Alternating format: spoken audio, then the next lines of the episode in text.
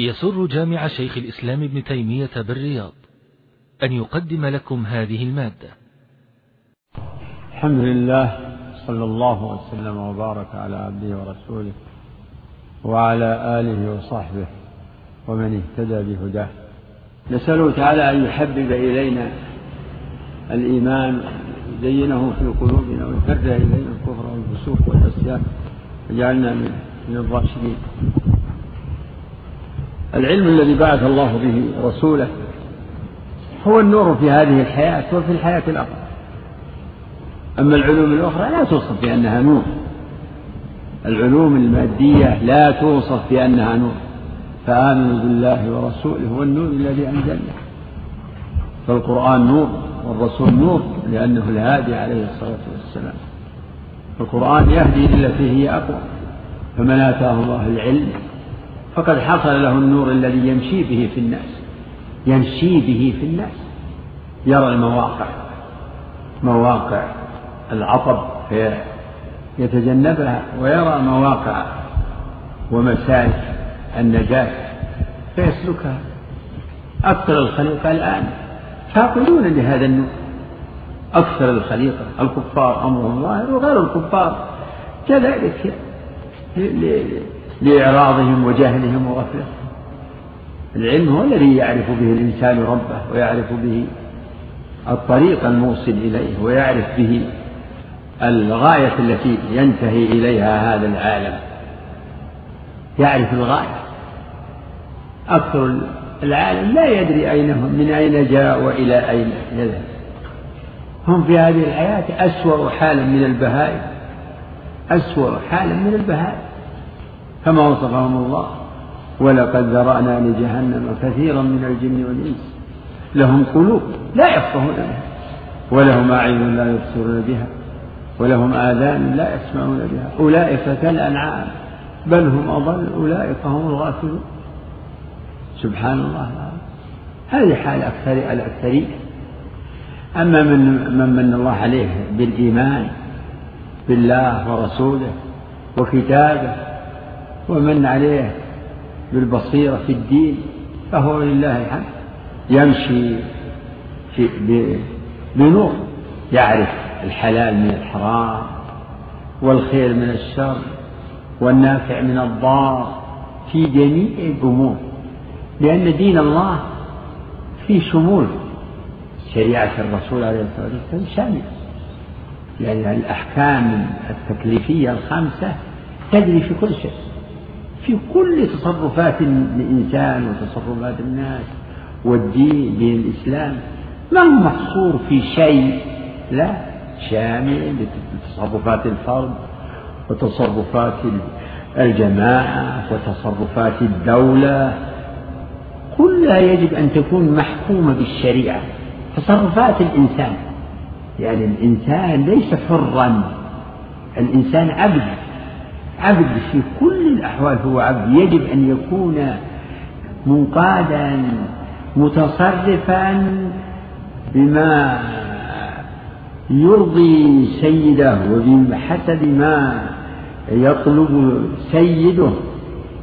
هذه العبودية لله. فالإنسان محكوم سواء كان فردا أو جماعة محكوم في كل تصرفاته بشريعة الإسلام. شريعة الإسلام. فيها شمول فالدين عقيدة في القلب وشريعة فيها تتعلق بالأعمال بأحكام الأعمال. هذا واجب واجب. مستحب حرام مكروه هذا مباح بدون استثناء. الله أنزل شريعة لتكون منهج يسير عليه الإنسان في كل الاعتبارات يسير عليه باعتبار تصرفاته الفردية وكذلك تصرفات مع الآخرين ولهذا يعني أهل العلم دونوا على أحكام فيها نظام علاقة العبد بربه وهي العبادة نظام المعاملات ونظام اجتماعية كما يسمى في هذه نظام العلاقات الأسرية والاجتماعية والدولية كل ما في شيء يخرج عن حكم الإسلام. فالإنسان يعني محكوم عليه أن يكون متعبدا لله في أي موقع؟ في الشارع في المسجد في البيت في في انفراده في غيبته في حضوره مع الناس في تعاملاته يجب أن يكون منقادا لحكم الله. اليوم أكملت لكم دينكم وأتممت عليكم نعم آية نزلت في آخر حياة الرسول عليه الصلاة والسلام. تضمنت التنبيه على أن هذا الدين كامل وقد كمل. وقد أنعم الله به على هذه الأمة. بل هو نعمة على البشرية. نعمة على البشرية. وما أرسلناك إلا رحمة للعالمين. نعمة على البشرية كلها. لكن النعمة من الذي يجني ثمراتها ويسعد بها هو الذي يقبلها ويضعها في مواضعها ويؤمن بها يقبلها فرسالة محمد عليه الصلاة والسلام نعمة على البشرية كلهم رحمة للبشرية كلها. لكن إنما ينتفع بذلك هم الذين آمنوا به واتبعوه. آمنوا به فالذين آمنوا به وعزروه ونصروه واتبعوا النور الذي أنزل معه أولئك هم المفلحون. أما من لم يقبل ما جاء به عليه الصلاة والسلام فقد يعني أضاع على نفسه الفرصة وصارت رسالة محمد عليه حسرة. وإنه قال الله فيما أنزله على رسوله وإنه لحسرة على الكافرين حسرة عليه. لأن جاءهم الخير وردوه. ربما يود الذين كفروا لو كانوا مسلمين ربما يود الذين نعم سي سيودون لو كانوا مسلمين. متى؟ أول ذلك عندما يموتون ثم يوم القيامة. يا ليتنا نرد ولا نكذب بآيات ربنا ونكون من المؤمنين. يا ليت. ولكن هيهات. نسأله سبحانه وتعالى أن يمن علينا بالثبات على دينه. إنه ولي ذلك هو القادر عليه وصلى الله وسلم وبارك على عبده ورسوله.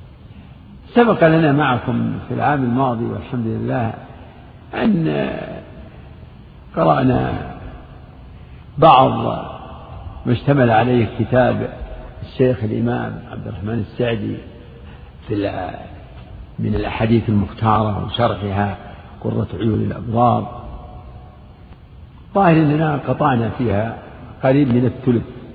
واليوم الظاهر معنا الحديث السابع حديث حكيم تفضل. بسم الله الرحمن الرحيم.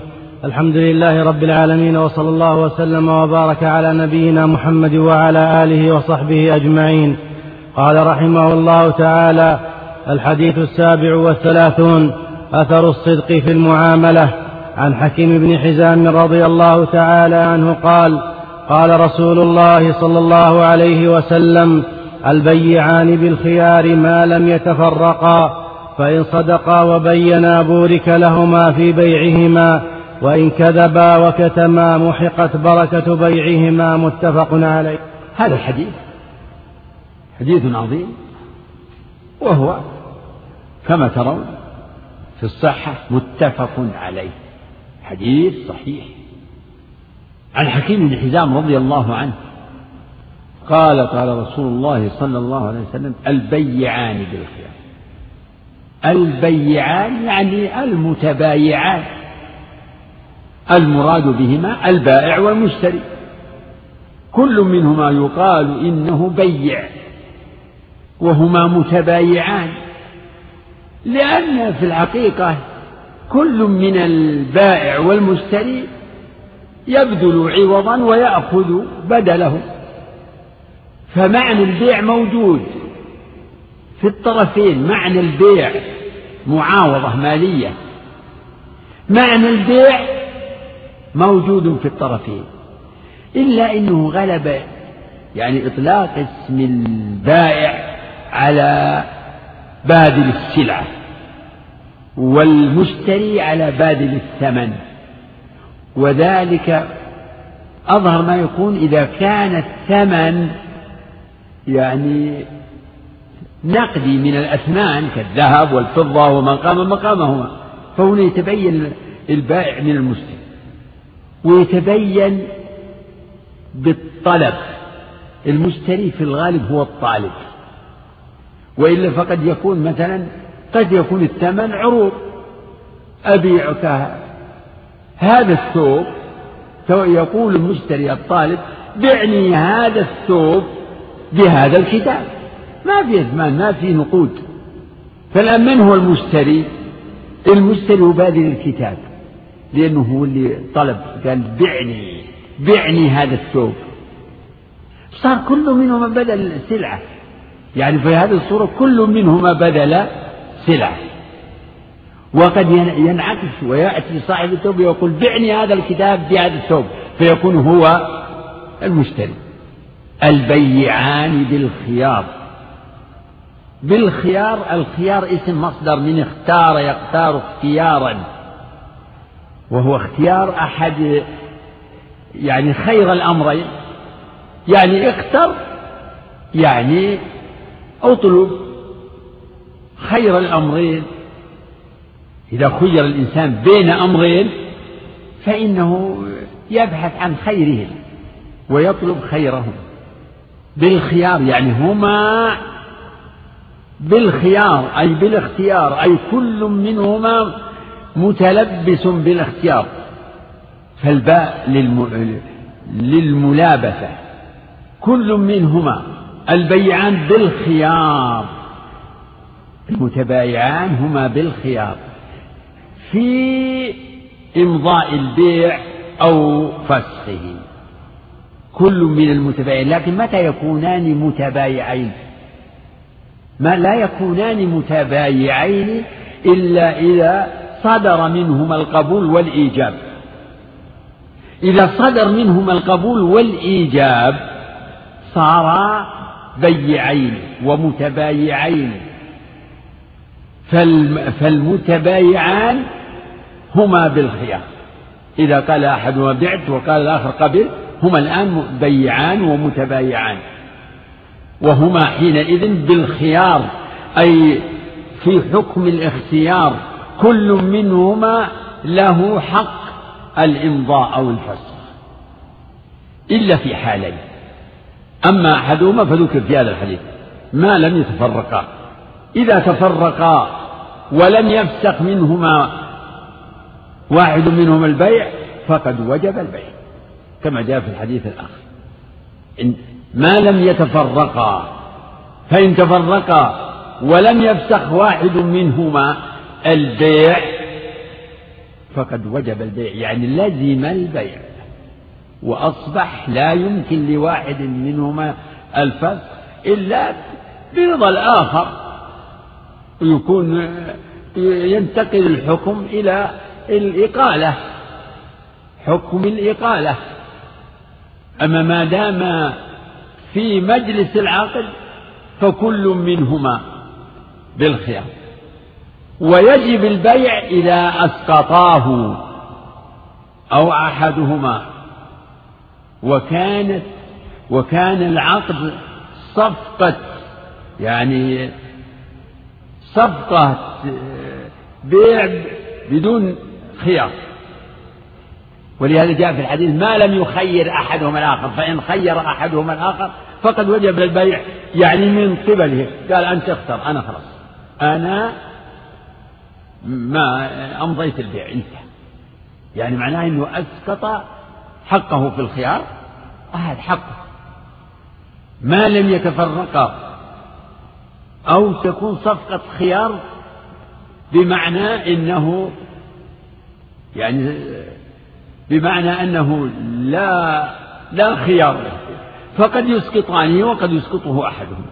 فإن قال أحدهما اختر أو قال أنا لا خيار لي أو اتفقا بعد أن يعني عقد البيع. ألا خيار فالحمد لله وجب البيع.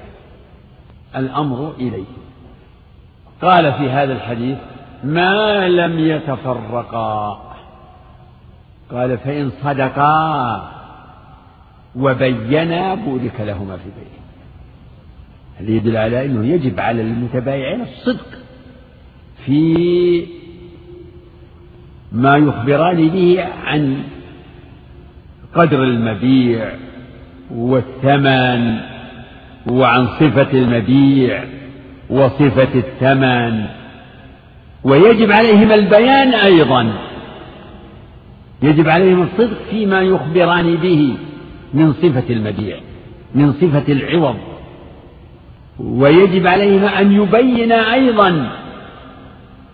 يعني ما يكفي يقول أنا ما قلت شيء.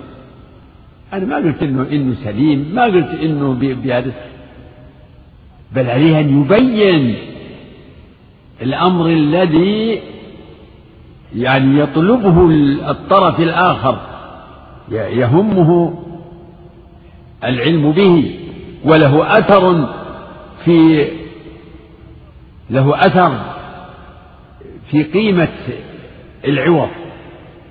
العوض يتأثر بالصفة زيادة وبالعيوب نقصا فلا بد أن يبين.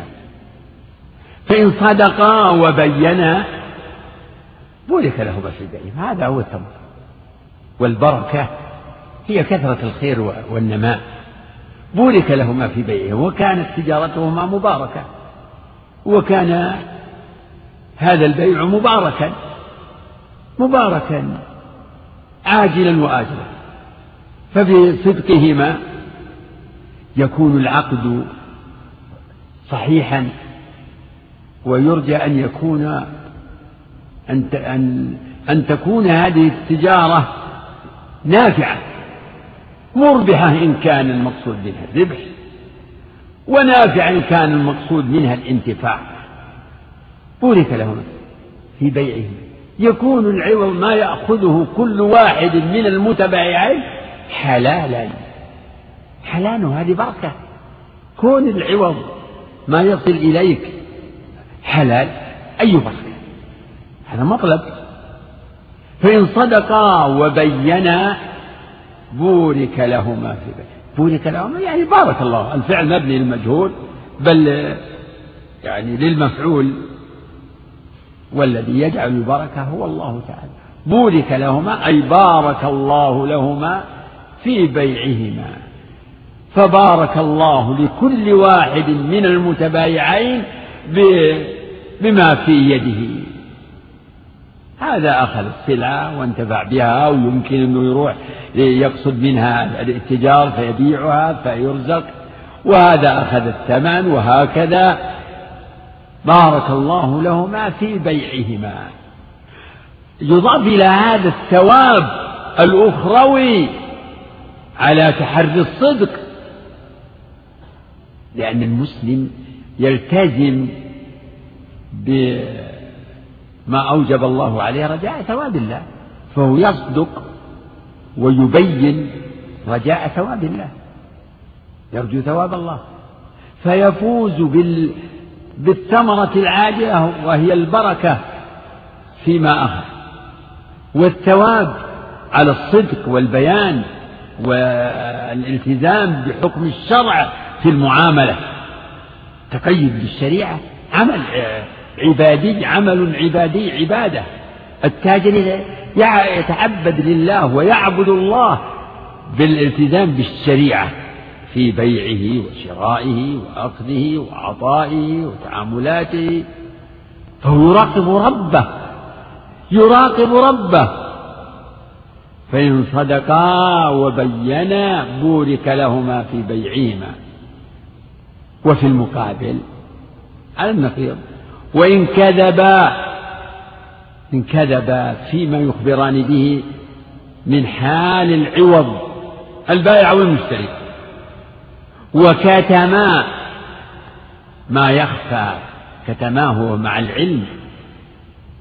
محقت بركة بيعه محق المحق. هو الإتلاف والإهلاك. يمحق الله الربا ويربي الصدقات. يربي الصدقات يضاعفها وينميها و وينميها وتكون أضعافا مضاعفة. أما الربا فهو ممحوق يمحق الله الربا. وهكذا البيوع التي لا تشتمل على ما يجب من الصدق والبيان بل على الكذب. التجارة التي تقوم على الكذب والغش والكتمان تكون ممحوقة البركة. يعني لا بركة فيها ولا خير فيها. فهذا المال أولا إنه إن الكاذب الكاتم يأتم على كذبه وكتمانه إثم يكون عاصيا آثما متعرضا للعقاب. ويكون أيضا نتيجة أخرى عاجلة وهي أن يكون العوض الذي يأخذه من ناحية أيضا ممحوق البركة لا يبارك له فيه. يمكن يتعرض للتلف لا ي... لا ولا يربح في السلعة التي اشتراها على هذا الوجه لا يربح فيها ولا يهنأ فيها لا لا تكون هنيئة ولا ينتفع بها. يمكن أن أن يتلفها الله عليه يمحقها عليه فلا ينتفع بها. عقوبة عقوبة معجلة. إن كذبا وكتب. وكلمة صدق وبين ما هو بشرط أن يكون الصدق منهما أو الكذب منهما. فقد يعني معناه إن من صدق بورك له وأتي ومن كذب منهما فقد يصدقان ويبينان كل منهما يكون صادقا وناصحا وصدوقا وقد يكون كل منهما كل منهما مثل الآخر. كل منهما كاذب محتال خداع غاش وقد يكون الغش والكتمان والكذب من أحدهما دون الآخر. هذا هو الجاري. فمن صدق بورك له. من صدق وبين بورك له. ومن كذب منهما كذلك. وإن صدقا وبينا بورك لكل منهما. وإن كذبا جميعا كل منهما يعني متشابهان أحيانا يكون كل من المتبايعين متشابهين في المدح والذم. فأهل الإيمان والخوف من الله كل منهما يتحرى الصدق. كل منهما يصدق في معاملته وينصح لأخيه ويبين ولا يكتم ولا يكتم.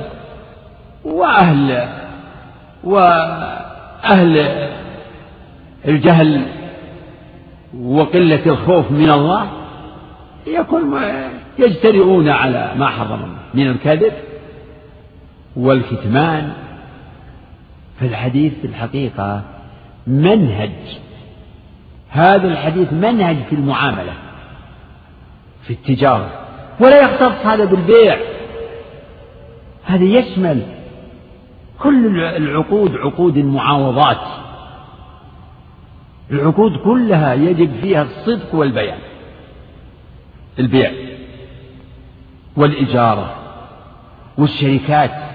عقود الشركة فيما عقود الشركة مساقات مزارعات مضاربات. كل يعني هذا البيان هذا المنهج لا يختص بالبيعين بالمتبايعين. بل ورد لفظه في المتبايعين ومعناه إنه انه حكمه شامل لسائر المتعاقدين. حتى عقد النكاح يجب فيها الصدق والبيان ويجب الحذر من الكذب والكتمان. هذا الحديث أصل في خيار المجلس. وقد جاء ذكر خيار المجلس آه، في غير حديث من حديث حكيم الحزام وحديث ابن عمر وغيره. خيار المجلس المراد به مجلس العقد. المجلس الذي جرى فيه عقد البيع. وأضيف للمجلس لأن حكم الاختيار مرتبط بالبقاء في المجلس. فإذا تفرق فإن تفرقا فقد وجب البيع. ولهذا قال في الحديث ما لم يتفرق وجاء التصريح بأنه فإن تفرقا فقد وجب البيع. إذا تفرقا قبل أن يفسخ أحدهما البيع فقد وجب البيع. وإلى هذا ذهب أكثر أهل العلم وقالوا إن المراد بالتفرق تفرق الأبدان. التفرق بالأبدان. أجريا العقد في هذا المكان وجلسا وترى وبقيا يتحدثان فهما بالخيار ما داما باقيين. فإن تفرقا من غير احتيال تفرق عادي. قاموا السلام عليكم كل واحد ذهب في طريقه. أو قام واحد لحاجة أو قام أحدهما لحاجة. فقد حصل التفرق. وهذا الخيار له حكمة. وهو إن الإنسان قد يستعجل في التصرف بالبيع أو الشراء ثم يندم. فمن حكمة الله أن جعل للإنسان فرصة يمكنه التدارك. يعني لو كان إذا قال الواحد بعتك قال الثاني اشتريت لازم البيع لا حول ولا قوة. يعني قد يبدر من الإنسان بلحظة تعجل. فلو كان يجب عليه فلو كان البيع يلزمه في هذه اللحظة يعني حصل حرج عظيم على بعض الناس. لكن ما دام فيه نفس ما داموا واقفين في المقام في الموقف ما داموا جالسين عند كل واحد عنده فرصة يمكن يهون. وهكذا في مكان السوم ما دام ما دام مثلا الدلال الآن يعرض السلع ثم قبلها المشتري قبلها. ما دام انهم واقفين ما بعد يمكن الواحد لأن هذا الموقف الآن هو مجلس. والحديث ما فيه ما لم يتفرق. البياع بالخيار ما لم يتفرقا سواء كانوا في مجلس ما يسمى مجلس وهم وقد يكونان واقفين. المراد من المجلس هو مكان العقد المكان الذي جرى فيه العقد وقال بعض أهل العلم إنه لا خيار لأن لا خيار. إذا حصل الإجابة والقبول تم البيع. مثل ما في النكاح زوجتك وقبلت النكاح ما في خيار. فإذا قال قال أحدهما بعتك وقال الثاني قبلت فقد وجب البيع. وتأول هذا الحديث تأويل مردود وضعيف. ما قوله ما لم يتفرقا يعني بالأقوال. ليس المراد التفرق بالأبدان بل التفرق بالأقوال.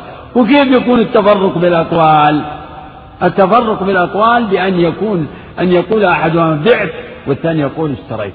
يعني معناه كل واحد أتى بالصيغة المناسبة طيب متى الخيار؟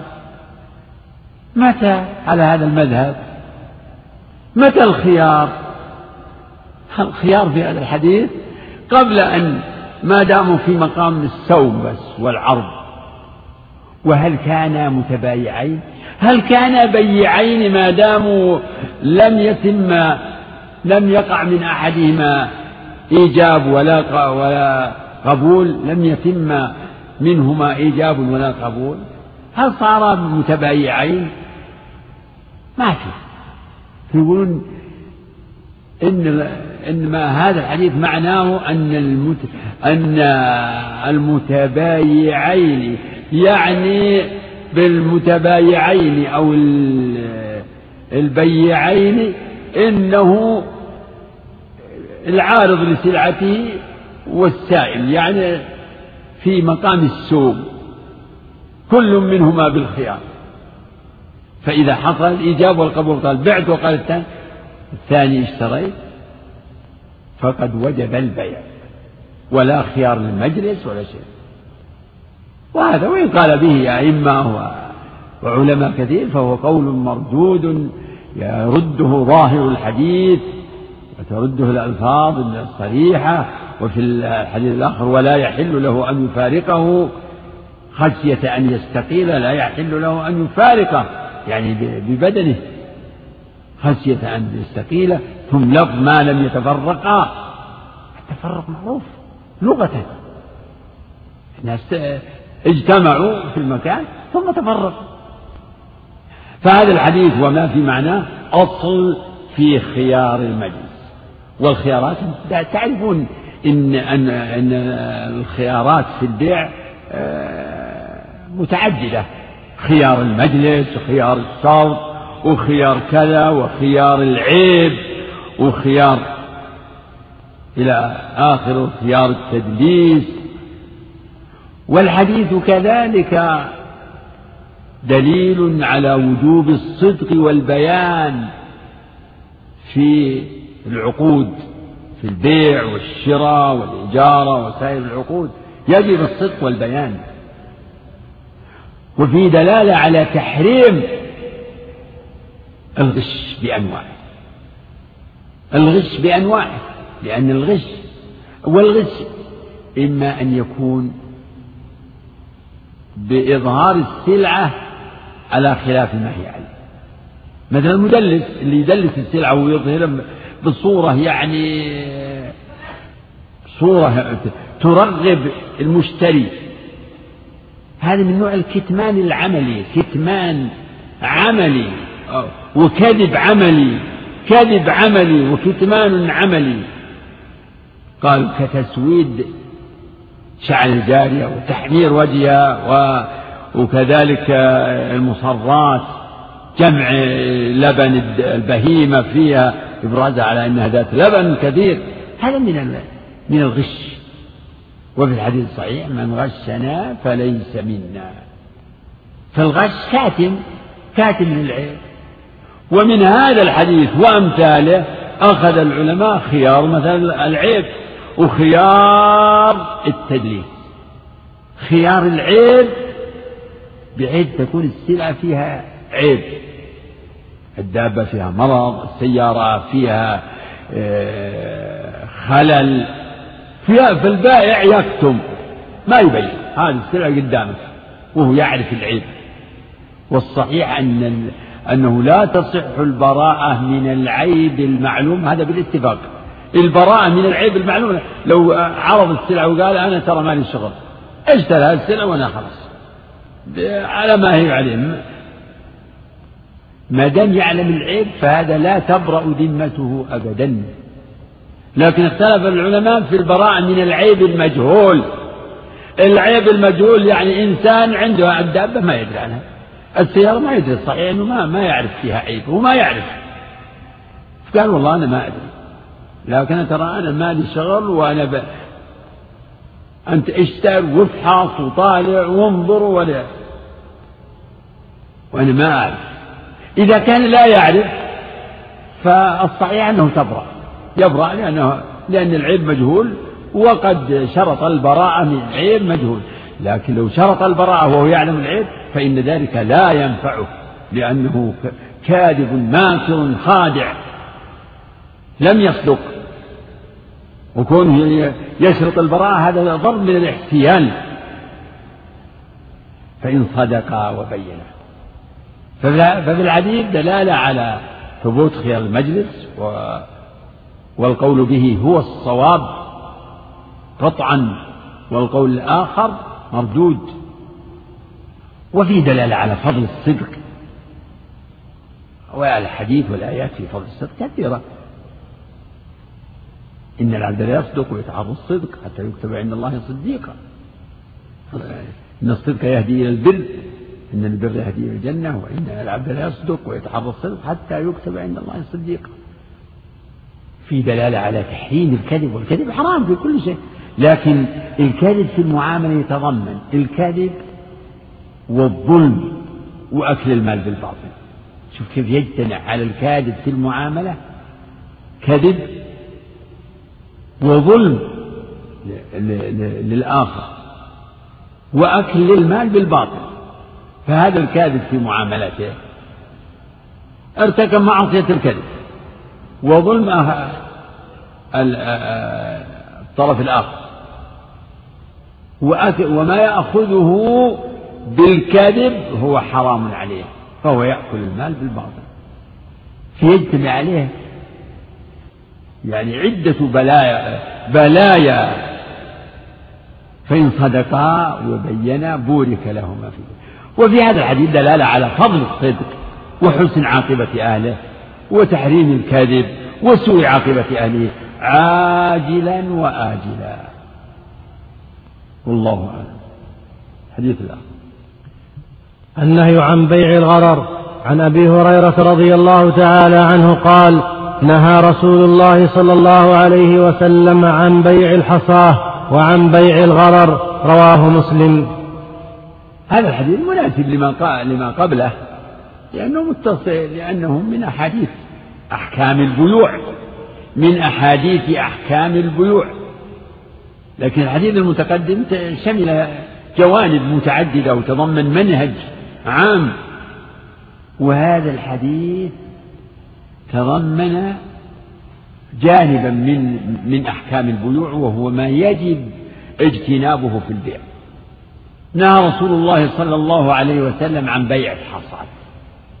هناك بيوع متعددة نهى عنها الرسول عليه الصلاة والسلام. نهى عن بيع الحصاد. ونهى عن بيع الملامسة والمنابذة وعن بيع السنين وعن بيع حبل الحبلة. كل هذا جاء منصوصا عليه بكلام الرسول صلى الله عليه وسلم. وهذا الحديث شمل النص على النهي عن بيع الحصاد. وبيع الحصاد فسر بوجهه. فسر بأن يقول الرجل شوف هذه الحصاد يرميها الآن. أي ثوب؟ يقول العلم تجدون العبارة دي أي ثوب وقعت عليه الحصاة فهو عليك به المسألة حظك نصيبك. وذكر الثوب هذا ما له مفهوم. أنت قل هذه الحصاة أي مثلا علبة سقط عليها سقطت عليها الحصاة فهي عليك بكذا. أي كرتون يعني ما يعني المثال لا يراد بخصوصه. مثال المراد توضيح الحكم. أي شيء من هذه السلع اللي قدامك تسقط عليها الحصاة الآن أبي أرمي على الحصاة الآن قدامك. اللي تسقط عليه يمكن تسقط على ما قيمته كذا. فهو عليك بكذا بخمسين. يمكن تسقط على ما قيمته عشرة. راح راح فيها منه المشتري. ويمكن أن تسقط على ما قيمته مئة. هذا هذا ما يصير إلا في الأشياء المتفاوتة. أما إذا كانت متماثلة خذ من أدنى. ما يحتاج أي سلعة سقطت عليها الحصاد لكن فيها المسألة فيها آه، يعني قمار فيها آه، يعني تجربة حظ فيها اليانصيب. نصيبك يمكن تقع على ما قيمته عشرة وانت والسلعة والسعر خمس خمسون. فيقبل منه المشتري. ويمكن تقع على شيء آخر. فيقبل من؟ البائع. هذا واحد من التفسير. التفسير الثاني قالوا بيع الحصاة يجي في بيع الأرض. الآن أنا بيع شوف في بيع الأراضي في بيع أراضي. هذا يبي بيع أرض يقول فأنا بأرمي الحصاة من هنا.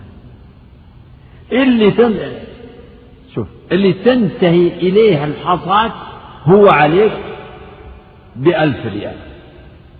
والله إن كان إن كان البايع هل سيكون هل سيرمي الحصاة بقوة؟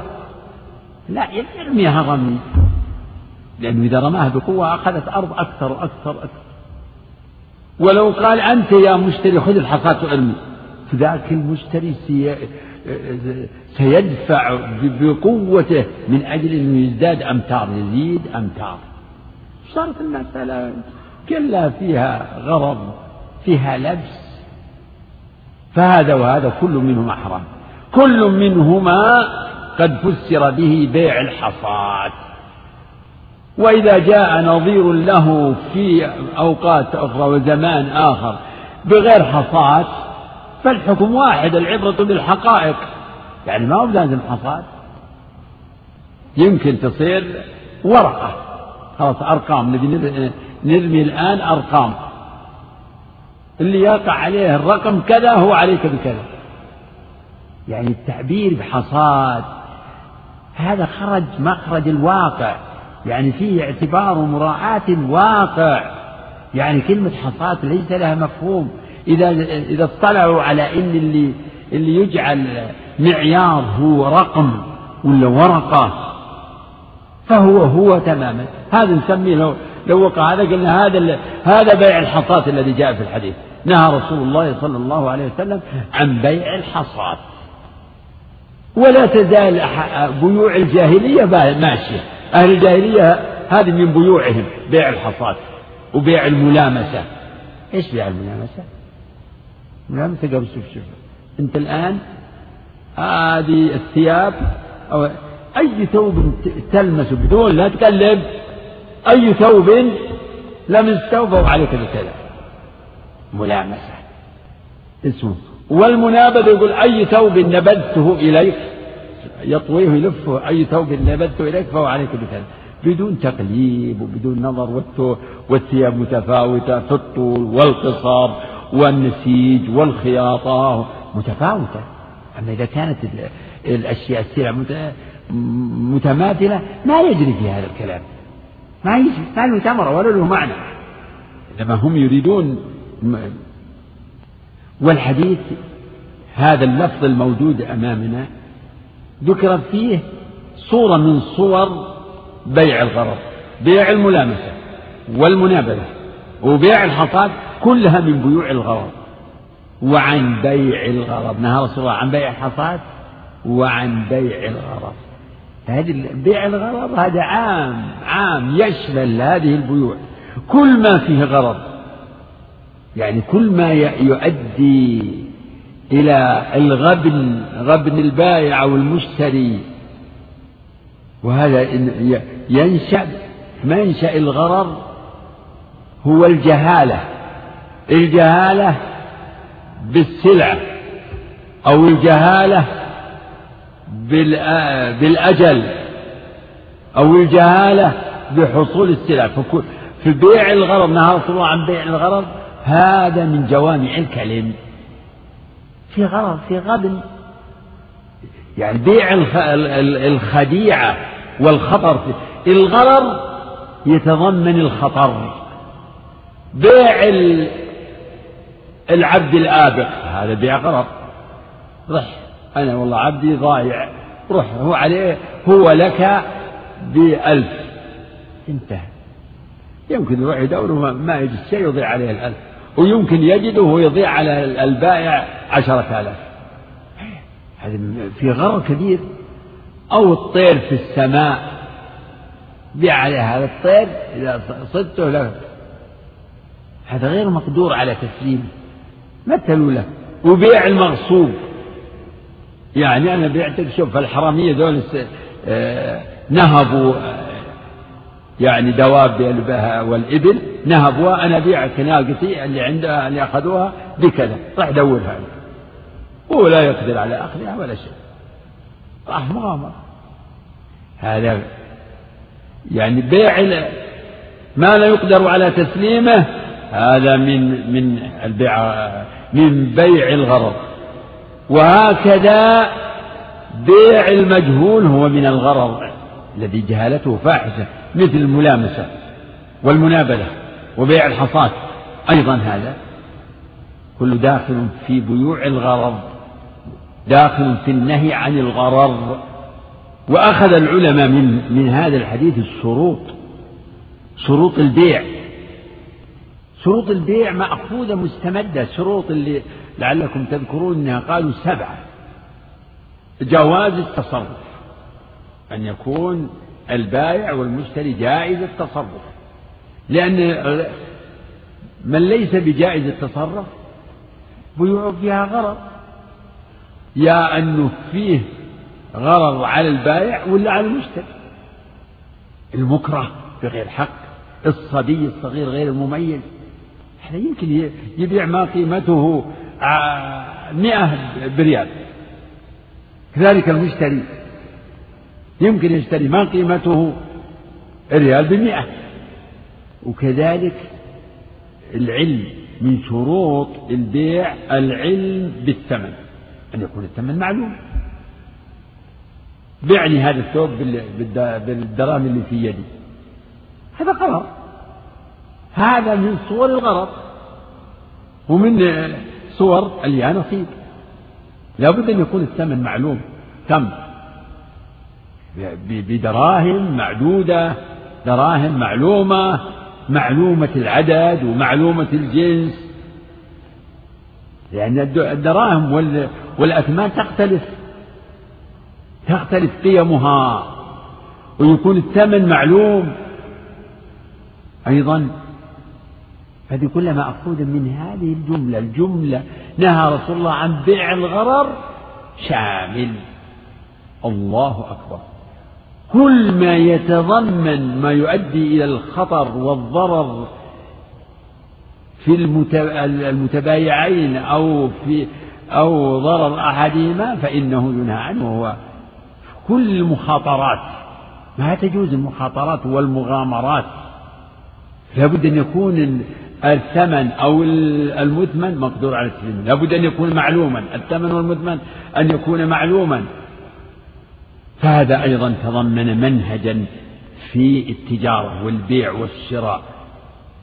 وفيه النهي عن كل الآن يعني والتجارة الحديثة فيها من من صور الجاهلية الشيء الكثير. حتى المسابقات التجارية فيها. لكن بطرق طرق يعني ماكرة ماكرة تعال اشتر. اشتر وإذا اشتريت بكذا وكذا يطلع يطلع لك اسم. تعطى رقم. فهم يأخذون من من آلاف الناس أرباح ويعطون واحد منهم الجائزة. وهذه الجائزة أو الجوائز هي بعض ما استفادوه من الألوف من ألوف الناس. فشريعة الإسلام شريعة العدل والحكمة والصدق والبيان التجارة يجب أن تكون مبنية على الصدق والبيان. والأمانة و والبعد عن المخاطرة. أنت ما هو حر. يعني الرضا الرضا ما هو معتبر في كل شيء. يقول أنا راضي. لا. ليس كل رضا معتبر. العقود الربوية تتم بأي شيء. العقود الربوية تتم بين المتعاقدين برضاهما. وهل يحل ذلك؟ فالرضا لا يسوغ. الإقدام على ما حرم الله. من العقود الربوية ومن عقود المخاطرات. هذا والله أعلم. وصلى الله على نبينا كيف على هذا؟ أحسن الله إليكم. هذا سائل يقول فضيلة الشيخ ما هو الفرق بين بيع الحصاة وبين القرعة؟ القرعة ليس فيها بيع أصلا. القرعة هذه هذه تستفاد يعني جاءت الشريعة بها لتعيين الأمور المتساوية. يعني مثلا اتفقنا وقسمنا هذا المال بحسب الاجتهاد. يعني هذا هذا مال قسمناه بين اثنين أو ثلاثة أو عشرة. هو حق لهم وقسمناه ولكنها ما ندري يعني بحسب اجتهادنا إننا سوينا بينهم. فلا يمكن نقول خذ أنت يا هذا كذا أنت يا هذا بتاع لا نرمي القرعه والقرعه تحيي حتى ترتفع التهمة. القرعه جاءت من كان له زوجات زوجات وأراد أن يسافر. كان رسول الله إذا أراد سفرا أقرع بين النساء فأيتهن خرجت دامها خرج بها. لأنه ما ما يمكن يقول والله المرة هذه بياخذ من فلانة. تصير مشكلة لكن إذا أقرع انتهى. القرعة معناه أنه خرج بالتي خرجت خرج سهمها. ما للزوج فيه إرادة. يعني هذا أمر قدري. يعني راجع إلى القدر. ترفع المنازعات. فهي طريقة شرعية حكيمة. ترفع تزيل التهمة. ما فيها معاوضات ما فيها القرى ما فيها معاوضات نعم. أحسن الله إليكم. هذا يقول هل الأسهم من بيع الغرر أو بيع الحصاة؟ والله لا هي من بيع الغرض ولا من بيع الحصاد فيها فيها مخاطرات من نوع ثاني. الأسهم هذه أولا الشركات اللي تدور فيها الأسهم هذه بين مختلطة وبين محرمة. فالمسألة كلها خبط في في هذا النوع فيها شرك خبط. ثم إن فيه يعني تعامل مع الآلة جهاز تبيع وتشتري حركة. ففيها مخاطرة من ثم كما يقول الناظرون في في هذه التجارة إنها لها سلبيات عظيمة. في ناحية إيقاف النشاطات المثمرة والنشاطات النافعة للأمة المسألة تصبح يعني كأنها من نوع تجارة نقود. ما فيها الأمة لا تستفيد شيئا. الزراعة لها مردود البناء إنشاء مساكن توريد التجارات هذا له منافع عظيمة. لكن اللي يتاجرون بالأسهم ما ما لتجارتهم ولهذا يقول المراقبون إن الاندفاع في تجارة الأسهم يوقف المشاريع الاستثمارية النافعة للأمة. فمثلهم مثل من اتخذ عقار يسوى له مليار وصار البيع والشراء كله العقار في مكانه ما تغير. في مكانه. والناس يتصافقون في في الأسهم في أسهم.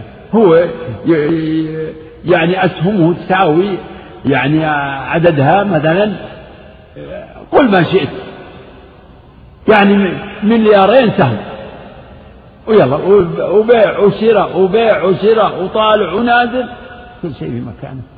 ما في مردود. ولهذا من من والعياذ بالله حصلت النكبة التي حصلت أخيرا. وفيها أيضا يضاف إلى هذا أن الذين يمارسون تجارة الأسهم آه، متفاوتون في آه، مقدراتهم المالية وثرواتهم. فأكثر من يتعرض للانهيار والخسار هم الصعاليك نعم. أحسن الله إليكم. يقول آه، نحن في شركة إعلانية فهل لنا أن نفخم المزايا لنقنع العميل بالشراء؟ ما يجوز الكذب. نعم. لا تكذب. نعم. يقول ما حكم استخدام التورية في بيع السلع؟ لا يجوز. لا يجوز. حرام التورية. التورية هذا فيها خداع. يعني العميل يفهم شيء فلا ينفعه. يقول يقول أهل العلم في المح... اليمين في المحاكمات والخصومات يمينك على ما يصدقك به صاحبك. هذا في في القضاء. والتورية ما تنفعك ولا تخرجك من تبعة الكذب والغش. نعم. أحسن الله إليكم. يقول ما حكم شراء السلعة المسروقة؟ لا يجوز شراء السلعة المسروقة. نعم. يقول ما حكم إجارة الحجاج فنادقا مجهولة وهم في بلادهم؟ ما أدري والله. إيش؟ يؤجرون فنادق يا شيخ مجهولة وهم في بلاد الحجاج في بلاد. حجاج؟ أي نعم هذا السؤال يعني يعرضون عليهم يا شيخ سكن وهو لم لم لم يعين بعد. لا بالوصف بالوصف الله يهديك. بيع الموصوف. هذا من أنواع البيع. بيع الموصوف في الذمة. بيع موصوف عندي سلعة كذا وكذا. أنت تبيع سيارة؟ الواحد تقول سيارتي في آه، في مكة الآن أو في جدة. كذا مواصفاتها وكذا وكذا وكذا. أنت تبيع موصوف أو تعدل موصوف. نعم. أحسن الله إليكم. يقول هل يدخل فيما ذكرتم بعض السحوبات للأطفال؟ مثلا يدفع الطفل ريالا فيأخذ رقما ثم يأخذ السلعة التي تحت الرقم.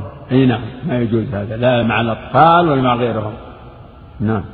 يقول نحن مسافرون فهل لنا أن نقصر؟ وما, وما هي مدة السفر؟ وهل إذا كانت إقامتكم أربعة أيام فأقل فاقصروا. إذا كانت إقامتكم أكثر من أربعة أيام فلا تقصروا. هذا الذي عليه أكثر أهل العلم وهو الكلام وهو الرأي المنضبط والله أعلم بالصواب. نعم.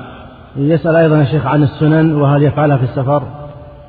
والله ما ما ندري. أما الوتر وركعتا الفجر فنعم. وأما سائر الرواتب وكذلك التطوع المطلق. وأما الرواتب ففيها تردد واختلاف بين أهل العلم. وعلمت أو بلغ الإنسان ابن باز يجعلها من جنس الإتمام. من صلى خلف المقيم فإنه آه، يتبعه في الإتمام وفي الرواتب والله أعلم. أحسن الله إليكم وأثابكم ونفعنا بعلمكم وصلى الله عليه وسلم السلام عليكم. نعم إن شاء الله. قال رحمه الله تعالى الحديث التاسع والثلاثون أنواع الصلح عن عمرو بن عوف المزني رضي الله تعالى عنه عن النبي صلى الله عليه وسلم أنه قال الصلح جائز بين المسلمين إلا صلحا حرم حلالا أو أحل حراما والمسلمون على شروطهم إلا شرطا حرم حلالا أو أحل حراما. رواه أهل السنن إلا النسائي. الحمد لله صلى الله وسلم وبارك على عبده ورسوله وعلى آله وصحبه ومن اهتدى بهداه. هذا الحديث من حيث الرواية من أهل العلم من يضعفه يرى أنه ضعيف رواية لم يصح. يعني فليس بصحيح ولا حسن بل هو ضعيف.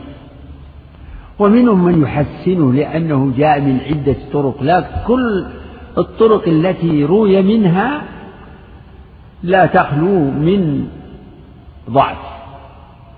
فالحديث جاء من طرق عن عدد من الصحابة لكن كل الطرق ضعيف فالحديث لا يقال إنه صحيح من جهة الرواية. غاية أن يقال إنه حديث حسن. هذا هو حاصل القول فيه. أما معناه فهو حق وصحيح. بل هو يعني أصل. فمعناه صحيح تدل عليه الدلائل الدلائل الدلائل من الكتاب والسنة. وهذا يجري في بعض الأحاديث. يكون ضعيفا رواية لكنه صحيح من جهة المعنى. لثبوت معناه بأدلة صحيحة من من الكتاب والسنة. فهذا الحديث في الحقيقة مجمع على معناه في الجملة فمعناه حق. في الحديث الصلح جائز بين المسلمين إلا صلحا حرم حلالا أو أحل حراما. الصلح الصلح هو ما يحصل به الاتفاق والوفاق وقطع النزاع قال الله تعالى لا خير في كثير من نجواهم إلا من أمر بصدقة أو معروف أو إصلاح بين الناس. وقال فاتقوا الله وأصلحوا ذات بينكم. الله أمر بالصلح. وأثنى على من يسعى بالصلح بين الناس. لأن بالصلح تحصل الألفة والوفاق وتزول الشحناء ويحصل الخير ويحصل كذلك آه، رد الحقوق ودفع المظالم.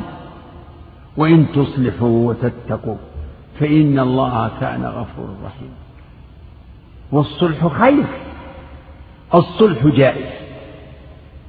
جائز. يعني أنه لا إثم فيه. وليس معنى ذلك إنه مجرد مباح. قد يعبر عن الشيء يعني ما ليس بحرام فعبر عنه بجائز. وإن كان قد يكون واجبا وقد يكون مستحبا. الصلح جائز. جائز. جائز بين المسلمين. لا حرج عليهم فيه. لكن النصوص تدل على إنه مشروع ممدوح محبوب لله ورسوله مندوب عمل صالح. وإن خفتم شقاق بينهما فابعثوا حكما من أهله وحكما من أهلها إن يريد إصلاحا يوفق الله بينهم. فالصلح يكون بين المتنازعين متخاصمين في حق من الحقوق. صلح بين متخاصمين في أمر من الأمور. يكون بين اثنين ويكون بين جماعتين. وإن طائفتان من المؤمنين اقتتلوا إلى قوله فأصلحوا بين أخوين وفي في مسألة الحقوق عند الفقهاء قالوا إن الصلح قد يكون عن إقرار وقد يكون عن إنكار. شخص يدعي على آخر بدين أو عين. فينكر. يقول أبدا ليس لك هذا الدين ولا هذا العين. فيصالح ويقول خلاص أنا أعطيك كذا وتسحب وتسحب دعواك. هذا الصلح عن إنكار. هذا يجوز. لكن إن كان يكون صحيحا ويكون جائزا في حق الصادق فإذا كان مثلا المدعي كاذبا وهذا المنكر دف يعني ركن أو لجأ إلى الصلح فهذا المنكر ما دام أنه صادق وبريء فلا يضره. جائز في حق أن يفدي نفسه ويدفع عن عرضه يدفع عن عرضه وإذلاله في المحاكمات. وخذ خذ هذا المال وخلص ننتهي. فيكون ال ال هذا المنكر يعني محسنا جاء يعني لا إثم عليه ولا حرج عليه. وذاك إن كان كاذبا فما أخذه حرام ولا يحل له. لا يحل له إنه إن هذا رضخ وأعطاه ما يتخلص به من دعواه وإن كان يعتقد إنه محق فالكل لا إثم عليه. هذا يعتقد أنه محق وهذا يعتقد أنه محق. وقد يكون أحدهما قد نسي يمكن وهناك الصلح عن عن إقرار. إقرار أقر له بالدين. نعم. ولكنه صالحه يعني اتفق يعني رضي صاحب الدين بأن يعطيه من عليه الدين كذا و ويسقط عنه الباقي. قال نعم أنا عندي لك لكن إيش رأيك إني أعطيك كذا وكذا وننهي الدعوة وتسقط؟ هذا إبراء هذا صلح جائز لا حرج عليه. إذ لا حرج على الإنسان أن يتنازل عن بعض حقه. هذا إحسان وتسامح. ومن حسن التقاضي من حسن التقاضي يعني الصلح يريح يريح المحاكم. من من المنا... كثرة المنازعات ومن الشغب كثرة الشغب. صلح فالصلح عن الإقرار يكون بإسقاط بعض الدين بعض الحق. ومنه ما إذا كان لشخص على آخر دين مؤجل فيقول أعطني كذا يعني عجل لي. كذا وأضع عنك كذا. على حد ما جاء في الحديث ضع وتعجل. فيضع عنه بعض الدين ويعجل ما كان مؤجلا. فهذا على الصحيح أنه جائز. هذا فيه إنهاء للعلاقة وفيه إسقاط بعض الحق وإنهاء وفيه براءة آه، الذمم. هذا كله من صور الصلح. أهل العلم تكلموا عن الصلح أو في عقدوا باب اسمه باب الصلح. وعقدوا فيه يعني ذكروا فيه تقسيم الصلح إلى صلح عن إقرار وصلح عن إنكار وهكذا من صور الصلح الصلح بين المرأة وزوجها. وهذا مما جاء في القرآن.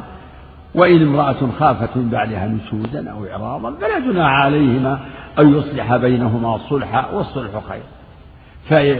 فإذا رضيت أو خافت المرأة أن زوجها يعني أن يطلقها.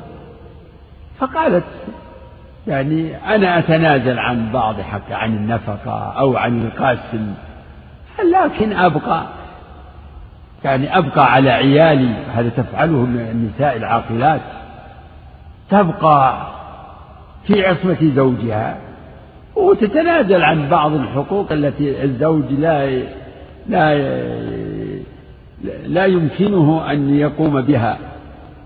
وهذه الآية نزلت في شأن أم المؤمنين سودة كأنها يعني لاحظت من الرسول إن إعراض لاحظت منه الإعراض أو خافت وإن امرأة خافت من بعدها نشوزا أو إعراضا فلا جناح عليهما فكان من حسن رأيها رضي الله عنها وعن سائر أمهات المؤمنين إن أنها وهبت يومها وليلتها لأحب نساء النبي صلى الله عليه وسلم.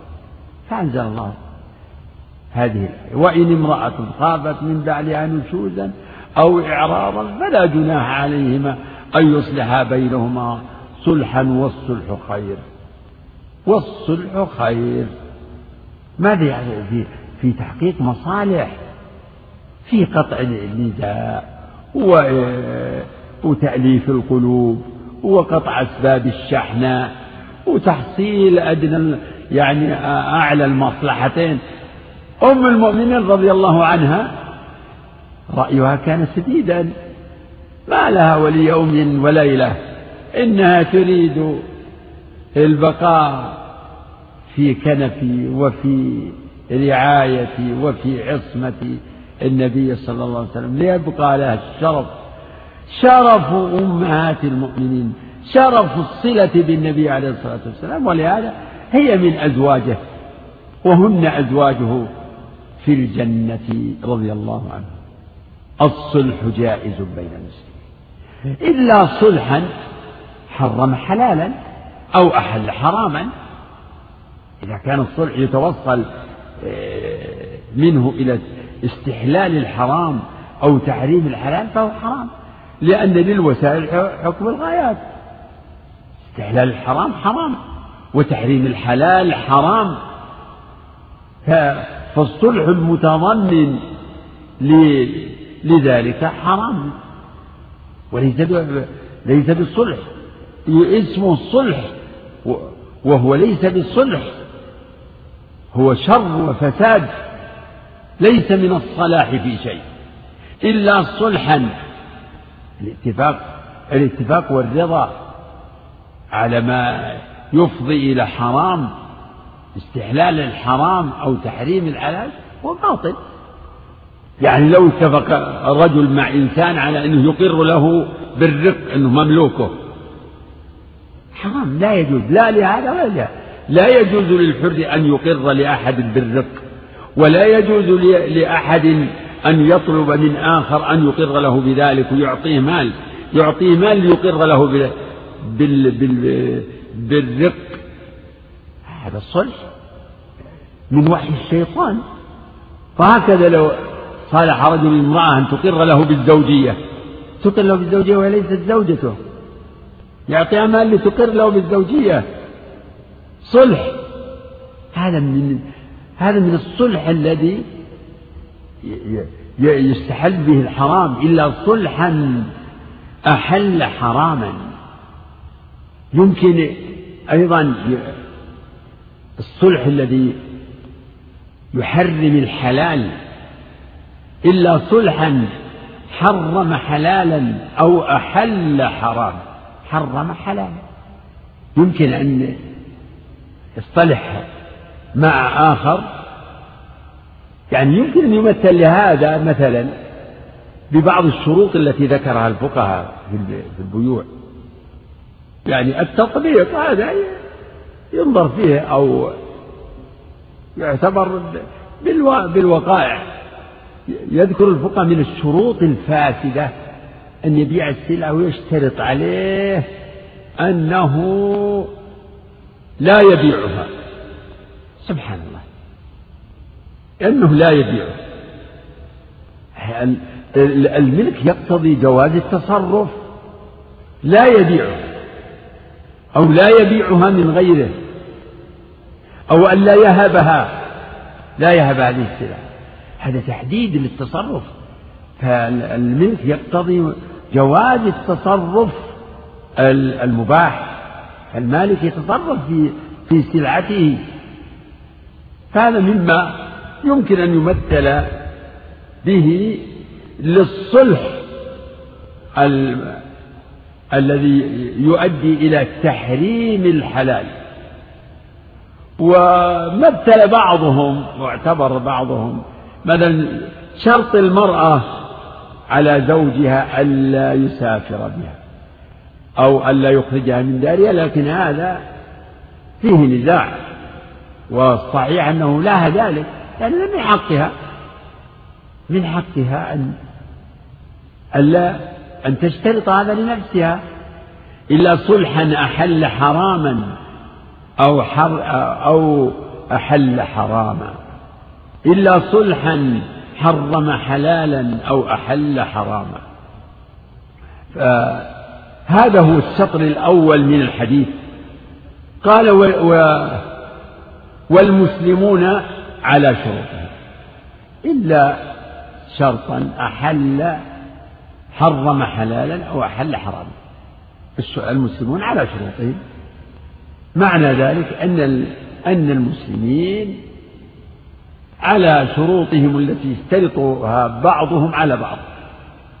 وهذا وهذا يكون في العقود في في البيوع في سائر العقود. هناك شروط العقد كشروط البيع. هذه الشروط التي هي من من حق الله. هناك شروط البيع مثلا والشروط في البيع. الشروط البيع هي التي يتوقف عليها صحة العقد. يتوقف عليها صحة العقد. أما الشروط التي في البيع فهذه من حقوق المتعاقدين. ممكن التنازل عنها. الشروط في العقد يمكن التنازل عنها. فما يشترطه كل من المتعاقدين أو أحد المتعاقدين على الآخر الأصل أنه لازم. يجب الوفاء به وهو داخل في عموم يا أيها الذين آمنوا أوفوا بالعقود. فالشرط في العقد هو جزء من العقد جزء من العقد يجب الوفاء به. ولهذا قال عليه الصلاة والسلام في بعض الشروط إن أحق الشروط أن توفوا به ما استحللتم به الفروج. إن أحق الشروط أن توفوا به ما استحللتم. يجب الوفاء بالشروط كلها. شرط العاقل. يجب الوفاء من كل من المتعاقدين في البيع والتجارة والوكالة وسائر العقود وفي النكاح. الكل يجب الوفاء به. لكن أحق الشروط أن يوفى به الشروط في النكاح. فالوفاء بالشروط لازم وواجب. فالمسلمون إذن على شروطهم. من اشترط شرطا في عقد فهو على شرطه. فهو على شرطه. يجب على الطرف الآخر أن يوفي به. يجب على الآخر لأن في شارط ومشروط عليه. وهذا في البيوع. كمن يشرط مثلا في السلعة كذا يشرط في في في المبيع صفة من الصفات. يشترط أن تكون كذا على صفة. فإذا اختل الشرط بأن فقدت هذه الصفة فهذا يترتب عليه في البيع خيار خيار الشرط.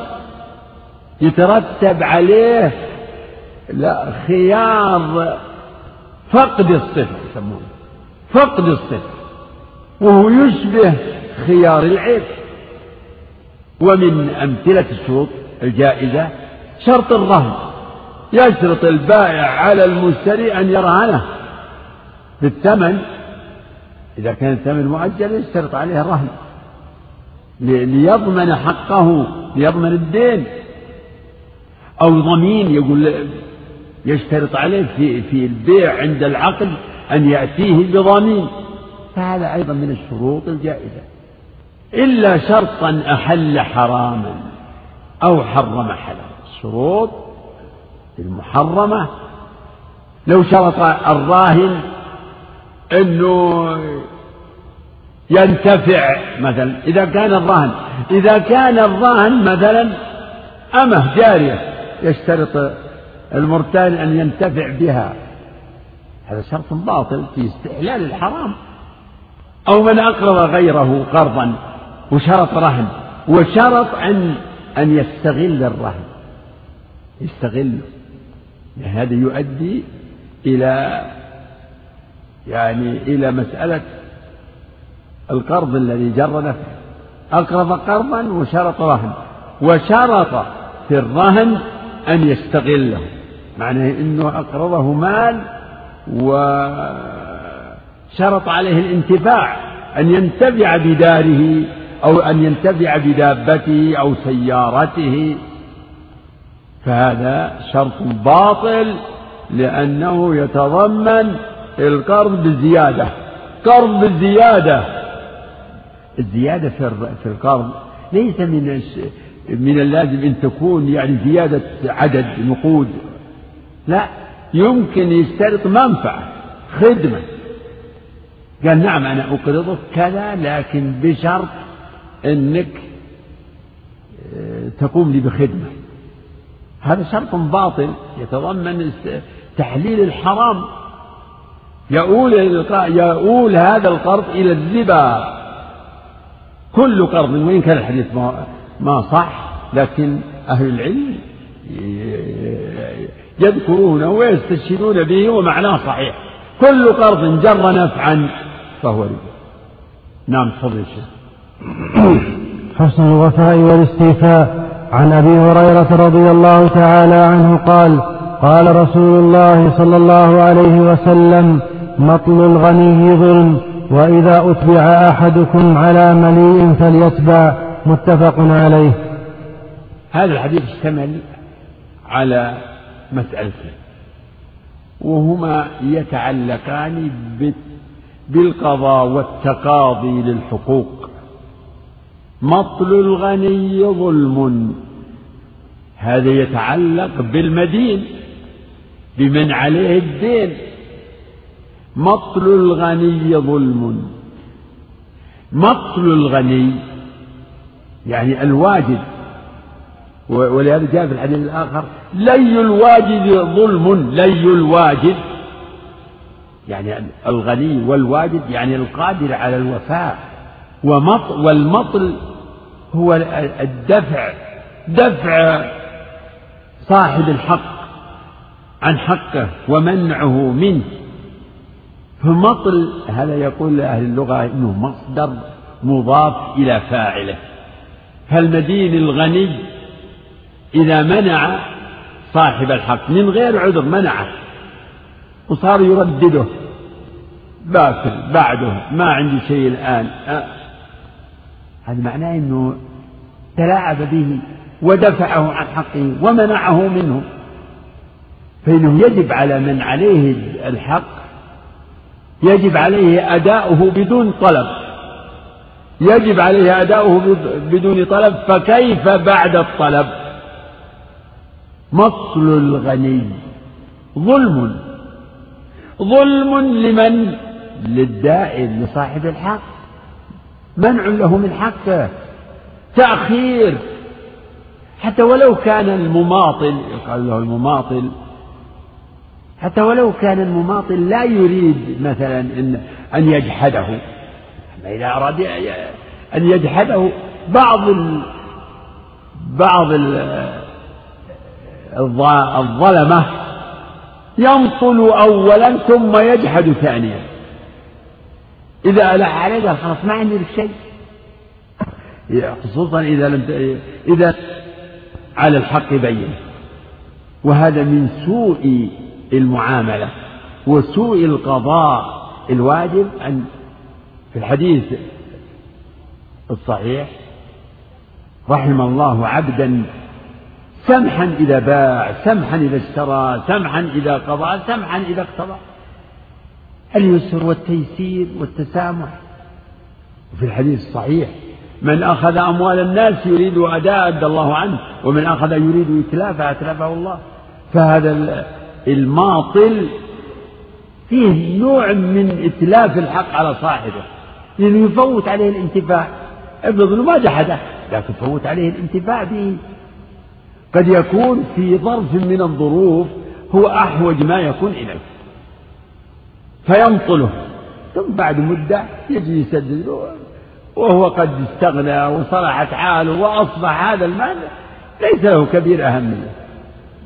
لكن اليوم كان يطلب وهو في حاجة المال فهو ظالم له بمطلع حتى لأنه لا يجوز له أن يمنعه من حقه مطلقا في على كل حال من الأحوال. لكن إذا كانت حال الغريم يعني شديدة وهو في حاجة إلى حقه كان الظلم أشد. مطل الغني ظلم. هذا يعني هذه الجملة تتعلق بمن؟ بالمدين. بمن عليه الحق. الحق سواء كان قرضا أو كان ثمن مبيع أو أي يعني بأي سبب ثبت هذا الحق. صداق. صداق امرأة. المرأة إذا طالبت بصداقها وجب أداؤه لها. وآتوا النساء صدقاتهن نحلة الجملة الثانية وإذا أتبع أحدكم على مليء فليتبع. هذه الجملة تتعلق بالطرف الثاني. من هو؟ نفس الغريب. صاحب الدين. إذا أتبع يعني إذا قيل له اتبع حقك عند فلان. وفي الحديث الآخر وإذا أحيل أحدكم على مليء فليحتل. وهنا وإذا أتبع أحدكم على مليء فليتبع. إذا قال من عليه الدين يا أخي أنا لي مال على فلان أنا ما أجحد حقك لكن لي لي مال دين على أنت لك علي ألف ريال ولي على فلان ألف ريال. فأنا أحيلك عليه. اتبع حقك عند فلان. فإنه يجب على المحال الغريم يجب عليه أن يقبل ذلك. وأن يقول لا أنا ما أعرف إلا أنت. أنا ما أعرف إلا أنت. أنت راح دور حقك عند فلان. أنا لا أعرف إلا أنت. هذا لا. هذا من سوء التقاضي. وبهذا يعلم التناسب بين الجملتين. وأن الإحالة بالدين ليست من المطل في شيء. الإحالة بالدين ليست مطلا. فليس للغريم أن يقول فلان والله مطلني طالبته حقي ومنعني إياه. يقول رح لفلان. لا ما صحيح. جاءت الشريعة بأن هذا فيه مصلحة للطرفين. ولكن هذا بشرط. يعني فليس من شرط الحوالة رضا المحال.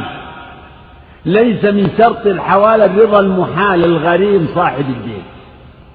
لكن يشترط أن يكون المحال عليه. يعني يشترط أن يكون مليئا مليئا في يعني مليئا في ذمته وفي موجوداته. يعني قادر على الوفاء وباذل فإن كان المحال عليه معسرا لم يلزم المحال قبول الحوالة. لكن لو قبل فالحق له. أو كان مماطلا فلو أحاله وقبل الحوالة ظانا أن أن الغريم الآخر أو المدين الآخر أنه يعني يوفيه حقه. فوجد الأمر على خلاف ظن. وجده معسرا أو وجده معروف بالمماطلة. فله الرجوع يرجع إليه لأنه تبين إن إن الحوالة غير صحيحة. فإن كان الأول المحيل يعرف الواقع فهو ماكر وماكر ومبطل وظالم لأنه أحاله على معسر أو أحاله على مماطل.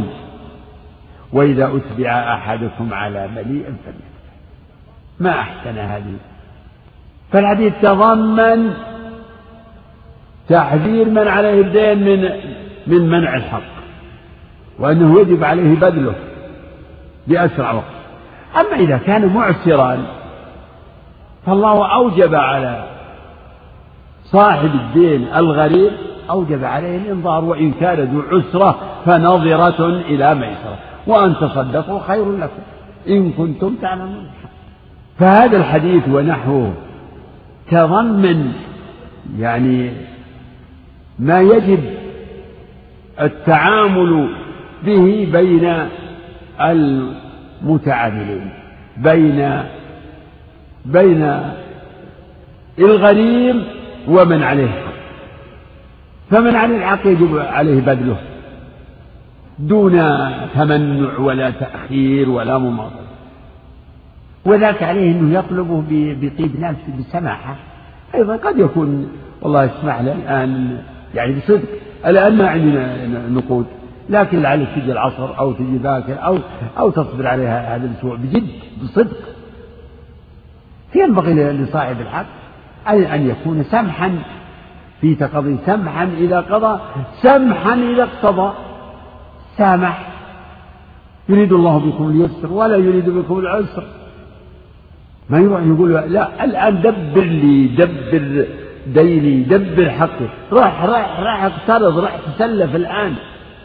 لا هذا لا مما لا ينبغي بين المسلمين. ما لا ينبغي بين المسلمين أن يكون بينهم التعاسر بل ينبغي أن يكون بينهم التياسر. يسر يسر بعضهم على بعض سهل بعضهم على بعض. ومثل هذا الحكم أعني حكم الحوالة هو من محاسن الشريعة. من محاسن الشريعة. وفي الحوالة اختصار. بدل أن يكون هذا يعني قبل الحوالة يكون هناك ثلاثة. هذا غريم زيد غريم لعمر وعمر غريم لخالد. فهنا ثلاثة. ففي الحوالة يتحول يعني غريم زيد إلى إلى خالد أو زيد يروح إلى خالد. وتختصر تبرى ذمة المحيط. يقول أهل العلم إذا أحاله برئت ذمة المحيل انتهى يعني ليس له الرجوع. إذا قبل الحوالة المستوفية للشروط برئت ذمة المحيل تبرأ ذمة المحيل تبرأ ذمة المحيل ويصير العلاقة بين المحال والمحال عليه. فليس المحيل. فلو طرأت ظروف يعني افرض إن المحال, تأخر وطرأت ظروف يعني أعسر فيها المحال عليه. أو ما أشبه ذلك. فليس له الرجوع لأن الحوالة صحت. يومها كانت صحيحة. ومستوفية للشروط وتمت وبرئت ذمة المحال برئت ذمة المحيل. فهذا الحديث هو من أصول المعاملات من أصول المعاملات بين ذوي العلاقات الحقوقية بيان لما يجب على الدائن وعلى المدين. فيجب على المدين بذل الحق ويجب على الدائن أن ييسر ويقبل ما فيه اختصار يعني العلاقات وانشغال الذمم وانشغال الذمم. حديث ثالث نعم. رد الحقوق عن ثمرة بن جندب رضي الله تعالى عنه قال قال رسول الله صلى الله عليه وسلم شكر الله لفضيلة الشيخ على ما قدم وجعله في موازين حسناته. والسلام عليكم ورحمة الله وبركاته.